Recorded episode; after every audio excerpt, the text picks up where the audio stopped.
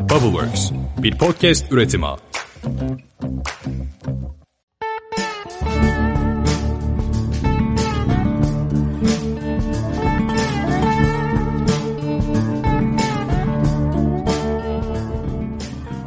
Merhabalar, Bir Çift Üzüm'ün 3. bölümüne hepiniz hoş geldiniz. Ben Emre Çetin Aslan. Merhaba herkese, ben de Gözde Çetintaş. Bugün sizlere şarap yapımından bahsedeceğiz ve aynı zamanda bugünkü konuğumuz Kalecik Karası olacak. Bu program çok denk geldi aslında. Biz de tam şaraplarımızı yapmıştık. Hem de Kalecik Karası üzümlerden. Yani çok hoş bir sohbet sizi bekliyor.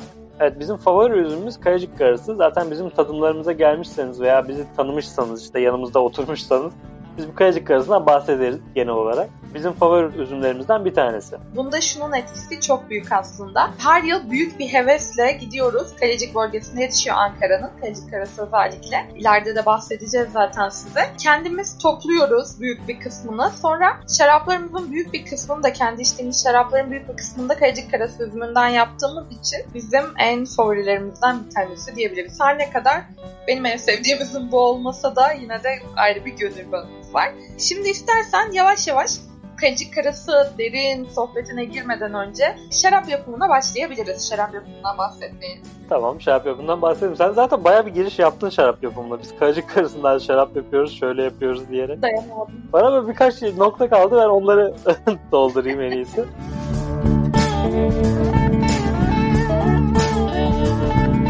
Daha önce de bahsettiğimiz gibi aslında birçok tipte şarap var. Birçok türde şarap var. Mesela bunlar neydi? Beyaz şarap vardı, kırmızı şarap vardı, roze ya da blush vardı. Bunun dışında şampeyn var, maderiya var. Farklı farklı şaraplar farklı farklı şekillerde üretiliyor. Bugün sanırım 3 tanesine değiniriz. Bunlar beyaz, kırmızı ve blush roze olurlar. Öncelikle beyaz şaraptan başlayalım. Şimdi beyaz şarap yapımı en kolay şaraplardan bir tanesi. Hatta en kolay şarap yapımı. Bunun sebebi de kırmızıda birazdan görecek olacağımız maserasyon işleminin olmaması. Şimdi nasıl yapıyoruz beyaz şarabımızı? İlk önce bağımıza gidiyoruz. Bağımızdan üzümümüzü tadıyoruz. Tadı yerinde mi, şeker seviyesi normal mi, asitliği önde mi veya kabuğunda tanin var mı bu gibi şeylere bakıyoruz. Çekirdeğine bakıyoruz. Çekirdeği kurumu, acılığı nasıl? Yine bu gibi tat ölçümlerini yaptıktan sonra artık dijital ölçümlere veya işte lab ölçümlerine geçiyoruz. Burada da densitesine bakıyoruz. Şeker oranına bakıyoruz.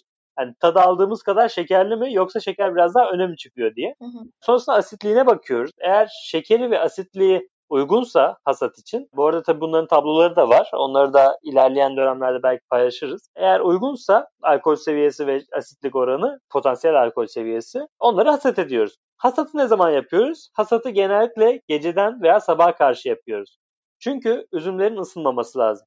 Üzümler eğer ısınırsa hem reaksiyonlar başlayabilir hem de üzümlerimiz pörsleyebilir. Biraz da bozulabilir. Bu anlamda biz bu tarz kötü olayları istemediğimiz için hasata ya gece başlıyoruz ya da sabah karşı başlayıp hemen fabrikaya veya üreteceğimiz yere üzümlerimizi getiriyoruz. Üzümlerimizi getirdik. Artık sabah erken saatlerde mesaiye başladık. Peki ne yapacağız şimdi? Beyaz üzüm yapmak istiyorsak üzümlerimizi iyice sıkacağız, suyunu çıkartacağız.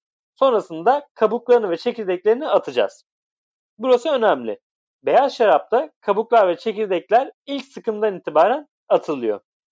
Sonrasında da mayalamamızı gerçekleştiriyoruz ve yaklaşık 1 ay 3 ay arasında bize potansiyel alkol seviyesine göre bir şarap sunuyor. Evet, ben burada bir şeye değinmek istiyorum. Beyaz şaraptan bahsetmişken.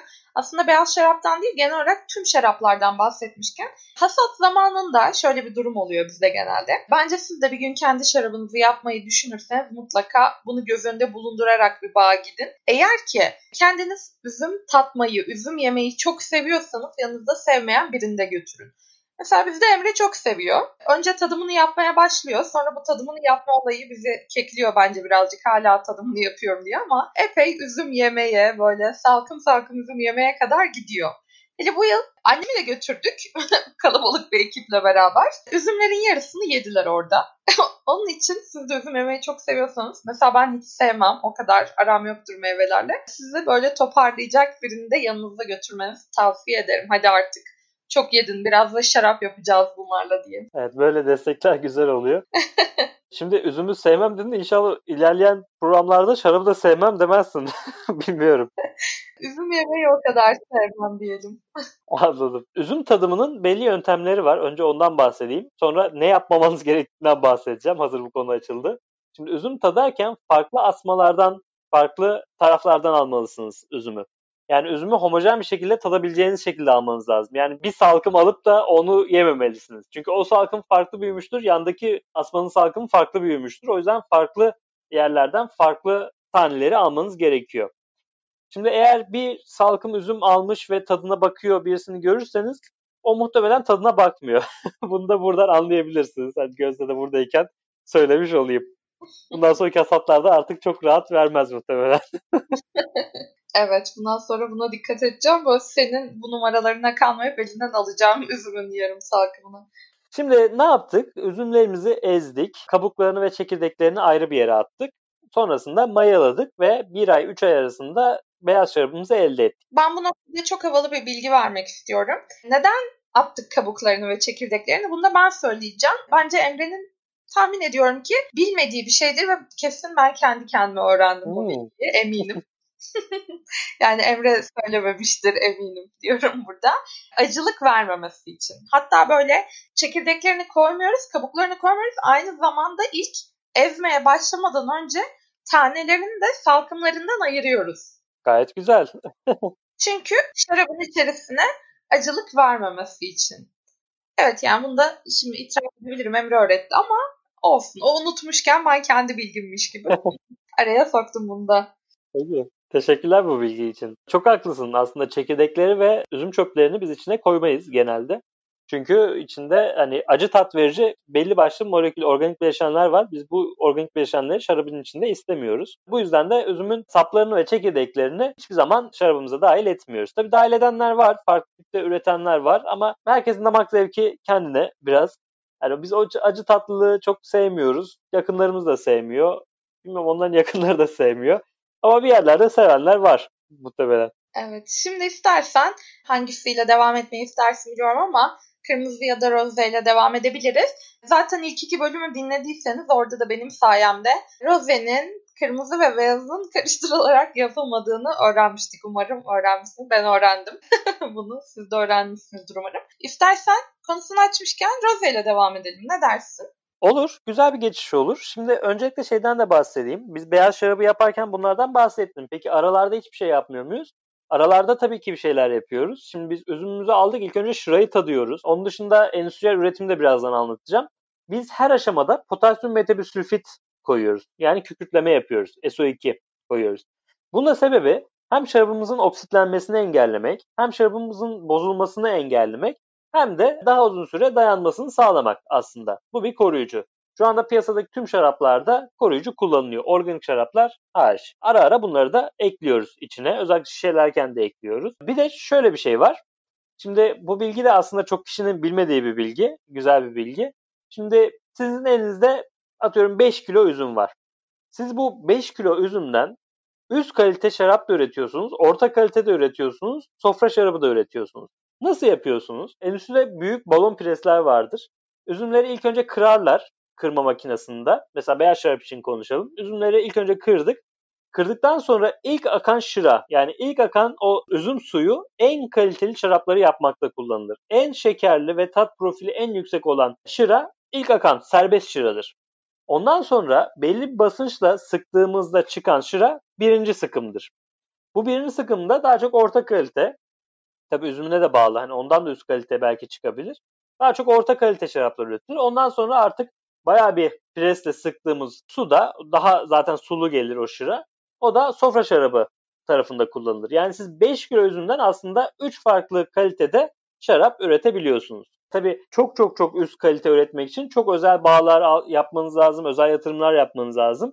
Ama tabii piyasadaki üst kalite segment dediğimiz şaraplar bu şekilde üretiliyor genelde. Yeteneğe bağlı değil yani öyle mi? Benim yeteneğime bağlı bizim ürettiklerimiz ama diğerleri değil. Üst kalite şaraplar Evet. Emre mesela bu konuda biz kendimiz şarap yaparken çok hassas. Bir kez ben yapmıştım. Belki de çok hassas değildir öyle söylemek istemişimdir ama ben yanlışlıkla ilk şarap denememizde bunu sıkarken serbest şıra Evet serbest şırayla ilk sıkımı karıştırdım. Yani mesela Emre böyle hızlı bir şekilde çok profesyonel şaraplar üretir. Ben böyle şey aa o bidonu mu koyacaktık? Ha tamam şimdi mi geçirecektik derken ufak bir karıştı. çaktırmamaya çalışsam da tabii ki yani o an anlamasa bile sonrasında fark ediyor kalitesinden. Anladı. Onun için benim için de çok önemli bir hal aldı bu serbest süre ilk sıkım falan olayları. Evet gerçekten çok önemli o ilk sıkım. O serbest şura çok kaliteli şaraplar sunuyor bize. Sen ne hissetmiştin o? Ben çok hayal kırıklığıyla sinir karışımı bir duygu hissetmiştim. Şu an tanımlayamıyorum yani. Ve aşk değil mi? Tabii. Şaraba olan aşk ve sana. Evet. Derinlerde gelen. o zaman ben çok fazla sulandırmadan Rose'ye geçebiliriz sanırım. Peki şimdi Rose ya da Blush'tan bahsedelim. Biz bunun ayrımından bahsettik mi daha önceki programlarda? Bahsetmiştik. Peki. Aslında bir ayrım yok. Rose ya da Blush baktığımızda teoride, üretimde de bir ayrım yok. Şimdi az önce beyaz şaraptan bahsettik. Kırmızı şarabı, kırmızı üzümü daha doğrusu pazardan aldığınızda ısırdığınızda içi beyazdır. Belki fark etmişsinizdir. Belki de fark etmemişsinizdir. Yeni bir aydınlanma olmuştur. Genellikle kırmızı üzümlerin içi beyazdır. Yani beyaz renklidir. Kırmızı renkte değildir. Yalnızca Alicante üzümünün içi de kırmızıdır. O Alicante zaten üzüm suyu, kırmızı üzüm suyu yapımında da kullanılır. Bu anlamda Rose ya da Blush'ın o hafif pembemsi rengini vermek için maserasyon adını de verdiğimiz bir renk sağlama olayı, bir fermentasyonun kolu aslında. Böyle bir işlem gerçekleştiriyoruz. Bu da nedir? Şöyle biz üzümlerimizi sıkıyoruz ama çok fazla sıkmıyoruz. Yani şöyle düşünün. Kırmızı üzümleri yine sabah karşı hasret ettik. Getirdik fabrikaya veya yapacağımız yere. Ondan sonra kırma makinesine attık. Kırma makinesi bize saplarından ayırdı, tanelerinden ayırdı. Hafif de bir çatlattı, verdi bize. Biz onu çok hafif sıkarak veya sıkmadan mayalıyoruz ve yaklaşık kırmızı şarap üretiminde bir hafta bekliyoruz. O bir haftada o üzümün kabuğundaki tüm antosiyenler ve renk pigmentleri şaraba geçiyor ve şarabımız kırmızı rengini alıyor.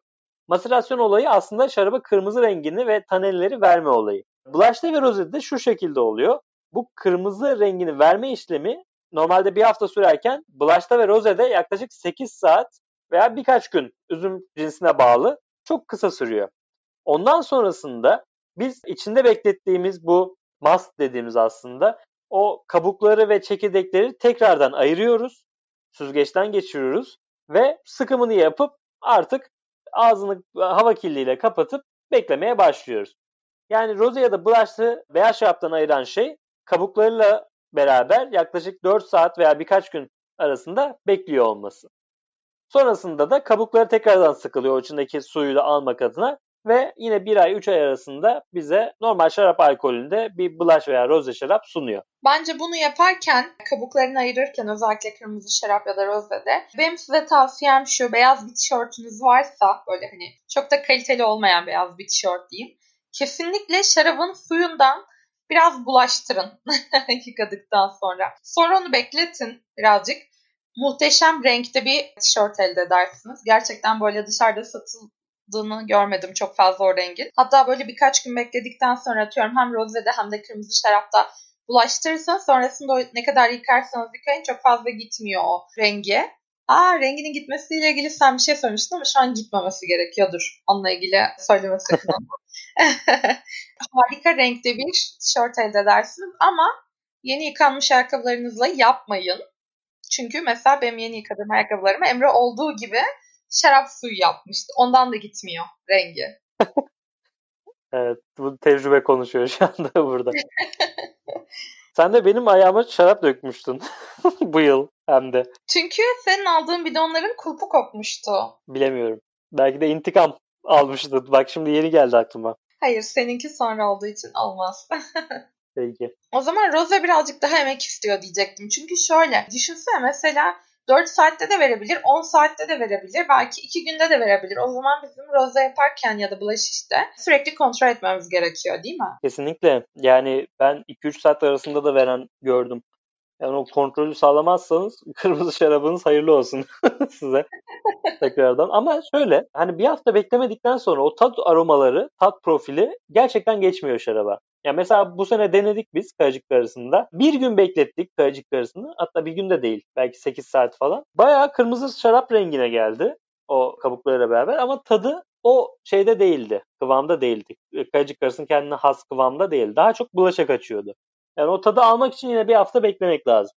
Renk ama çok önemli. Renk için tabii o süreyi kontrol etmeniz lazım sık sık. Evet yani fazla üzümünüz varsa aslında hepsini deneyebilirsiniz. Mesela biz üzümü çok aldığımız zamanlarda böyle birçok farklı yöntem deniyoruz sonuçta kendimiz içtiğimiz için. Bir de şöyle yapalım ne oluyormuş?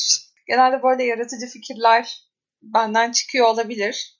Desem biraz uydurdum sanki çok da çıkmıyor ama böyle çeşit çeşit denediğinizde daha keyif veriyor. Hem de direkt gördüğünüz için daha çok benimsiyorsunuz. Sen de öyle düşünüyor musun? Evet kesinlikle. Bir de benim aklıma ne geldi? Bu yıl hasatta, biz bu arada hasatı köyde yaptığımız için hemen orada işte şirenleri oluyor, ezin tesisleri oluyor veya işte benzeri şeyler oluyor. Bizim de orada işlerimiz oluyor genelde.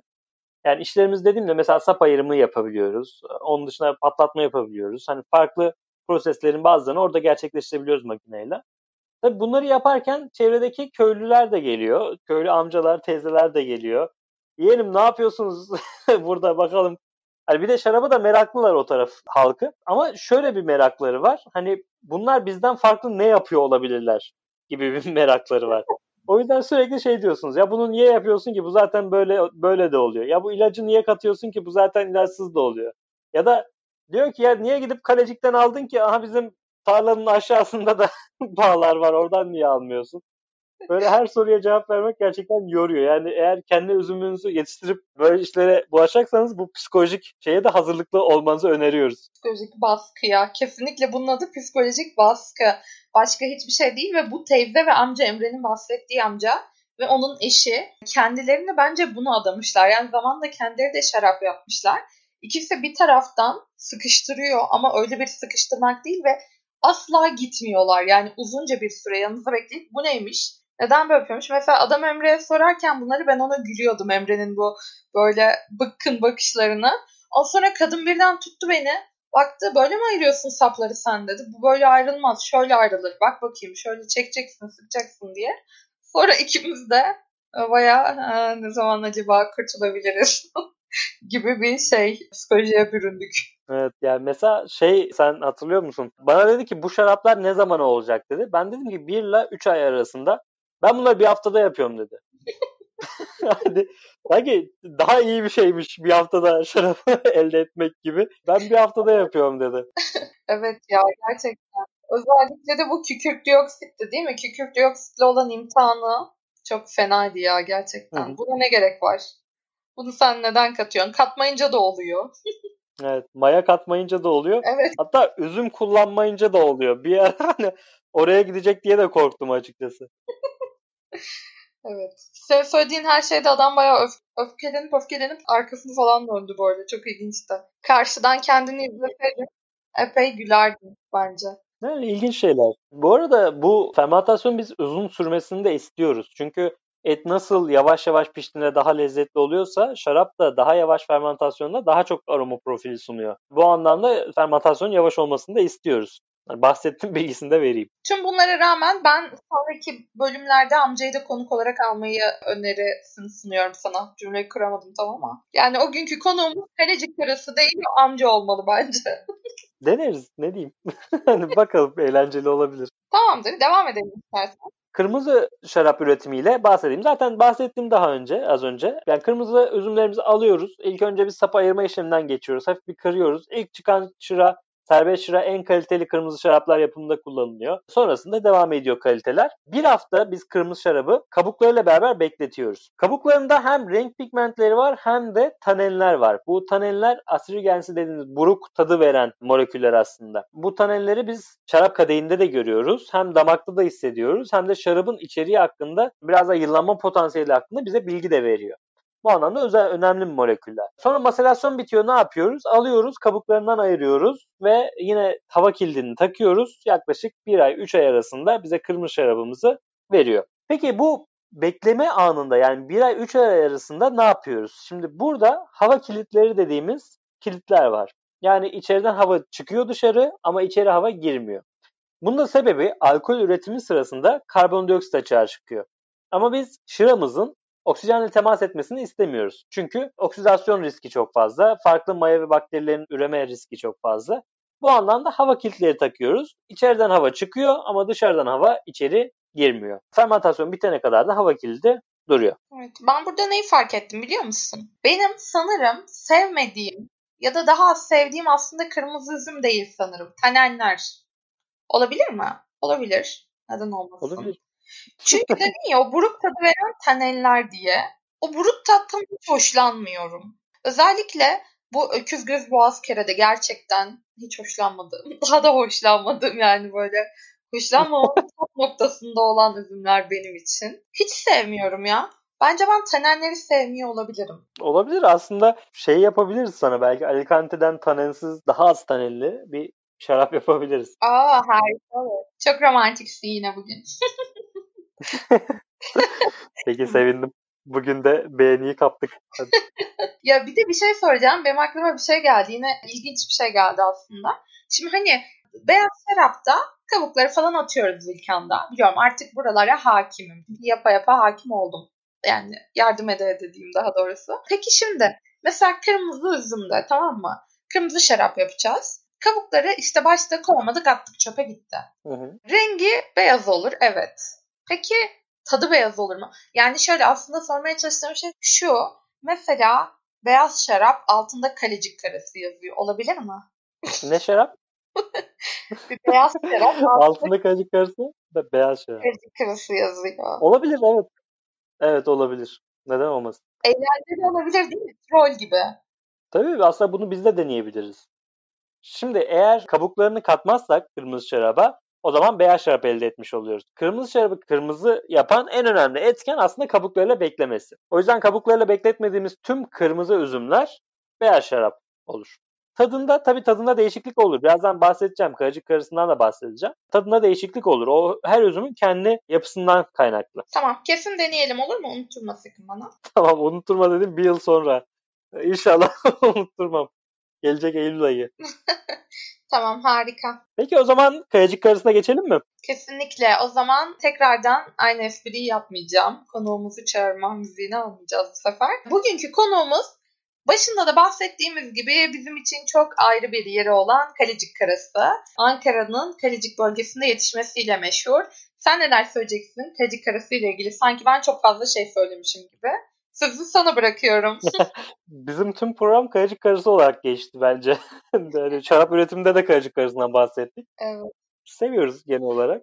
Şimdi ben kısaca üzümden bahsedeyim, üzümün tarihinden bahsedeyim. Özellikle 1960'lı ve 70'li yıllarda Kayacık karısı neredeyse yok olacak. Bu asma biti dadanmış bu bağların diplerine. Bu da tabii asmaları kurutmuş, kaybolmaya yüz tutmuş Kayacık karısı. Sonrasında Ankara Üniversitesi'nin de desteğiyle Profesör Doktor Sabit Ağoğlu biraz daha canlandırmış aslında oraları. Ya onun anlattığına göre çok ilginç bir olay. Onu da size anlatmak istiyorum. Daha önce Kayacık karısında neredeyse iz kalmamış oralarda. Profesör Doktor Sabit Ağoğlu ve ekibi işte onlarca köyü dolaşmışlar, çiftçilerle görüşmüşler. Evlerinin önünde kalan tek tük asmaları toplamışlar ve bunlardan numune oluşturmuşlar. Toplamda 23 tane kayacık karısının alt türünü tespit etmişler. Ve ilk deneme bağında Ankara Üniversitesi'nin o Kayacık'taki tesisinde, binasının yanındaki bahçelerde oluşturmuşlar. Sonrasında ne olmuş dersin? Sonrasında belediye demiş ki arazinizin bir kısmından yol geçireceğim. Bu üzümlerden seçin bir kısmını. Sonrasında ben yol yapacağım demiş. Alelacele de maalesef Ankara Üniversitesi yani o ekibi iki tane kolon koruyabilmiş. Yani 23 alt türden iki tane kolonu yalnızca koruyabilmişler. Ve o kolonlar aslında şu anda biraz daha bizim gördüğümüz Kayacık karası, karaları. Yani oradan yol geçmese kim bilir ne kadar daha çeşitli Kayacık karası üzümü görecektik o bölgede. Evet olumsuz olmuş aslında ki bence kırmızı şarap için bir tek kırmızı değil yine bulaş için de kalecik karası önemli. Yani ben aslında birazcık markete gidip şaraplara baktığımda ya da herhangi bir mahzene gidip şaraplara baktığımda üstünde çok sık görüyorum kalecik karasını. Onun için aslında onlar da yok olmasa daha da önemli bir hal alabilirmiş sanırım. Öyle düşün. Evet. Kalecik karısı nerelerde yetişir? Hazır bahsetmişken. Kalecik karısı Ankara'nın Kalecik ilçesinde yetişir asıl olarak. Şimdi bu Ankara Kalecik ilçesi bir çanak içine kurulmuş. Rakımı çevredeki coğrafyalardan yaklaşık 300 metre az olduğu için iklimi farklı. Kızılırmağın verdiği belli başlı aromatik şeyler var. O iklime etkisi var. Bunun dışında kırmızı kumlu toprakları olması üzümlerin kaliteli yetişmesine sebep oluyor. Böyle bir yapıda mikro iklime sahip Ankara'dan biraz daha farklı. Kayacık karısı. Bunun dışında nerede yetişiyor? Denizli'nin güney ilçesinde yetişiyor. Denizli'nin güney ilçesini duymuşsunuzdur. Birçok şarap aslında şarap üzümü oradan geliyor firmalara. Hani şey şarapların arkasına baktığınız zaman yöresi yazar. Özellikle sanırım Pamukkale şarapları oradan çok fazla alıyor. Testleri de orada. Kavakteri yine oradan da aldığı üzümleri var. Böyle farklı farklı üzüm cinsleri denizin güney ilçesinde yetişiyor. Ben şu an şok oldum. Neden şok oldum? Çünkü Güney ilçesi dedin ya ben Denizli'nin Güney ilçesi diye bir şey olduğunu bilmiyordum. Ben sanıyordum ki onu gördüğümde Denizli'nin güneyi yani mesela işte hani doğusu batısı kuzey güney gibi güneyinde yetiştiğini düşünmüştüm. Hmm. Evet şu an. Çok ilginç bir bilgi. Denizli'nin güney ilçesi Denizli'nin kuzey tarafında. Gerçekten Denizli bence genel olarak ilginç. Denizli diyorsun deniz yok. Güney ilçesi diyorsun kuzey tarafında. genel troll bir şey gibi. Herkes birbirini işletiyor gibi farklı bir durum var orada. Cidden öyle. Peki şimdi şuna gelecek olursak Kayacık Karası üzümünden üretilen şaraplar. Evet, Kayacık Karası'ndan üretilen şaraplar daha çok meyve aromalı, hafif orta gövdeli, biraz daha düşük asitli şaraplar sunuyor. En belirgin aromaları pamuk şekeri, çilek ahududu, kiraz, vişne gibi aromaları içinde barındırıyor. Tabi bunlar kırmızı şarap için geçerli. Bir de aynı zamanda reçel köpüğü. Bununla ilgili anımızı da anlatırız. Reçel köpüğü ve olgun meyveler de hissedilebiliyor. Aynı zamanda kayacık karısını eğer kabuğundan ayırırsak ve kendiniz şekilde yaparsak yani beyaz beyaz şarap yaparsak da daha taze, canlandırıcı, daha baharlı notlar ortaya çıkıyor. Baharlı notlar dediğimizde biraz daha çiçeksi diyebileceğimiz notlar çıkabiliyor. Bence bariz içerisinde benim hissettiğim kayıcı karalarının genelinde benim hissettiğim hep frambuaz tadı. Yani böyle şey artist bir şekilde şöyle söylemek istiyorum. Bunun şarabın içerisinden kırmızı meyve kokuları alıyorum. çok güzel. Aynı zamanda karabiber de hissedilebiliyor bu arada. Yani üzümün nerede yetiştiğine çok bağlı tabii bu aromalar, bu kokular. Denizde yetişen kayacık karısı farklı karakterde, Ankara'da yetişen kayacık karısı farklı karakterde. Mesela bizimkilerde bizim aldıklarımızda hafif kavun aroması hissedebiliyorsunuz değil mi? Hissediyoruz. Evet. Peki neden? Çünkü bunu da ben söyleyeceğim. Yanlarında kavun tarlası olduğu için. Yani şarap bağının yanında kavun tarlaları var. O yüzden de bir şekilde kavunların tatları uçuyor, geliyor ve kavun tadı hissediyorsunuz. Bunun açıklamasını ben bu kadar yapabiliyorum sadece. Bence gayet güzel açıklamadın. Yani şey demedi en azından. Kavunlar gidip üzümlere kendilerini anlatıyorlar. Üzümler de kavunlara benzemek istiyor. Ya yani böyle şeyler de var ya karşımıza çıkıyor tadımlarda özellikle. Evet. Şimdi kavun tarlasında o polenler, o kokular tabii üzümlerimizin kabuklarına yapışıyor. O terruarı etkiliyor. Terruar bu arada üzümün bağın yetiştiği yere deniyor. Toprağından havasına, iklimine, yanında yol geçip geçmemesine, işte yan taraflarında ne olduğunu bunların hepsini terroir kapsıyor. Bu anlamda hani terroirına etki ediyor. Bu yüzden de belli başlı kavunda beklediğimiz aromaları veya yapıları bizim şaraplarda da görebiliyoruz. Biraz daha freshlik olsun. Kavun aroması doğrudan hissedemesek de ikinci aromalarda arka damakta belki o freshlikten kaynaklı belli başlı kavun aromalarını hissedebiliyoruz. Bayağı da lezzetli oluyor o zaman.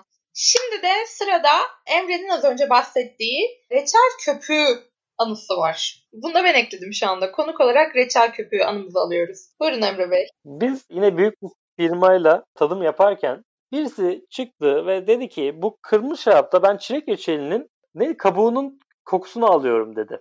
Pardon köpüğünün kokusunu alıyorum dedi. Ben de yani bilmiyorum açıkçası çilek reçelinin köpüğünün kokusunu bilmiyordum. Sonrasında annem çilek reçeli yaparken kokladım. Gerçekten kendine has bir koku, özel bir koku.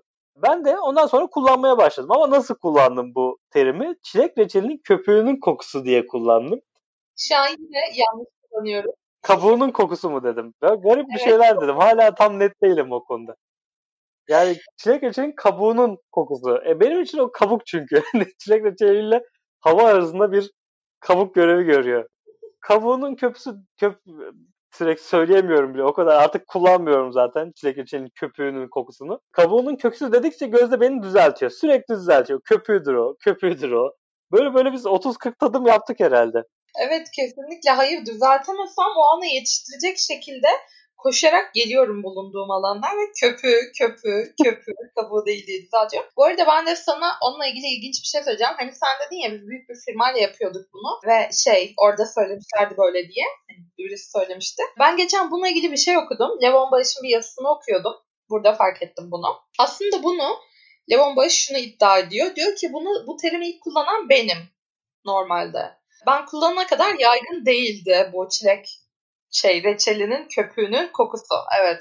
Bu Şimdi diyor yeni yeni birkaç yerde daha duymaya başladım. Bu yeni yeni birkaç yerde daha duyduğu biz miyiz? Yoksa bize bahseden firma mı?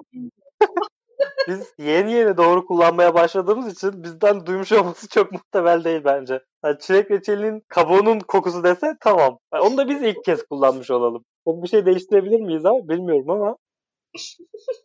evet hatta bir tadımda bir kişi Emre'ye sormuştu kabuğu nasıl olur diye. Doğru hatırlıyorum değil mi? Hani kabuğu derken tam olarak.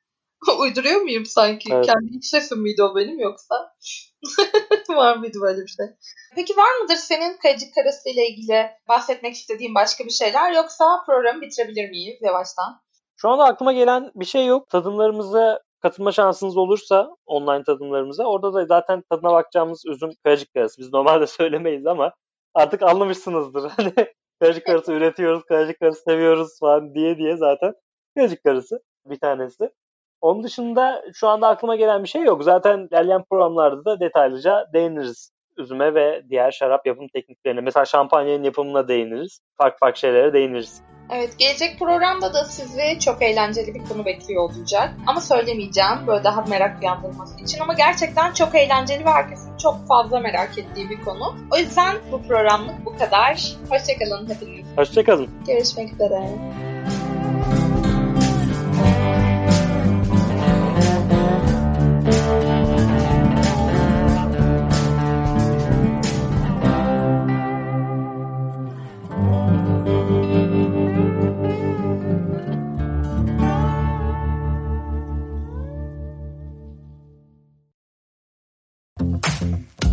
Bubbleworks bir podcast üretimi.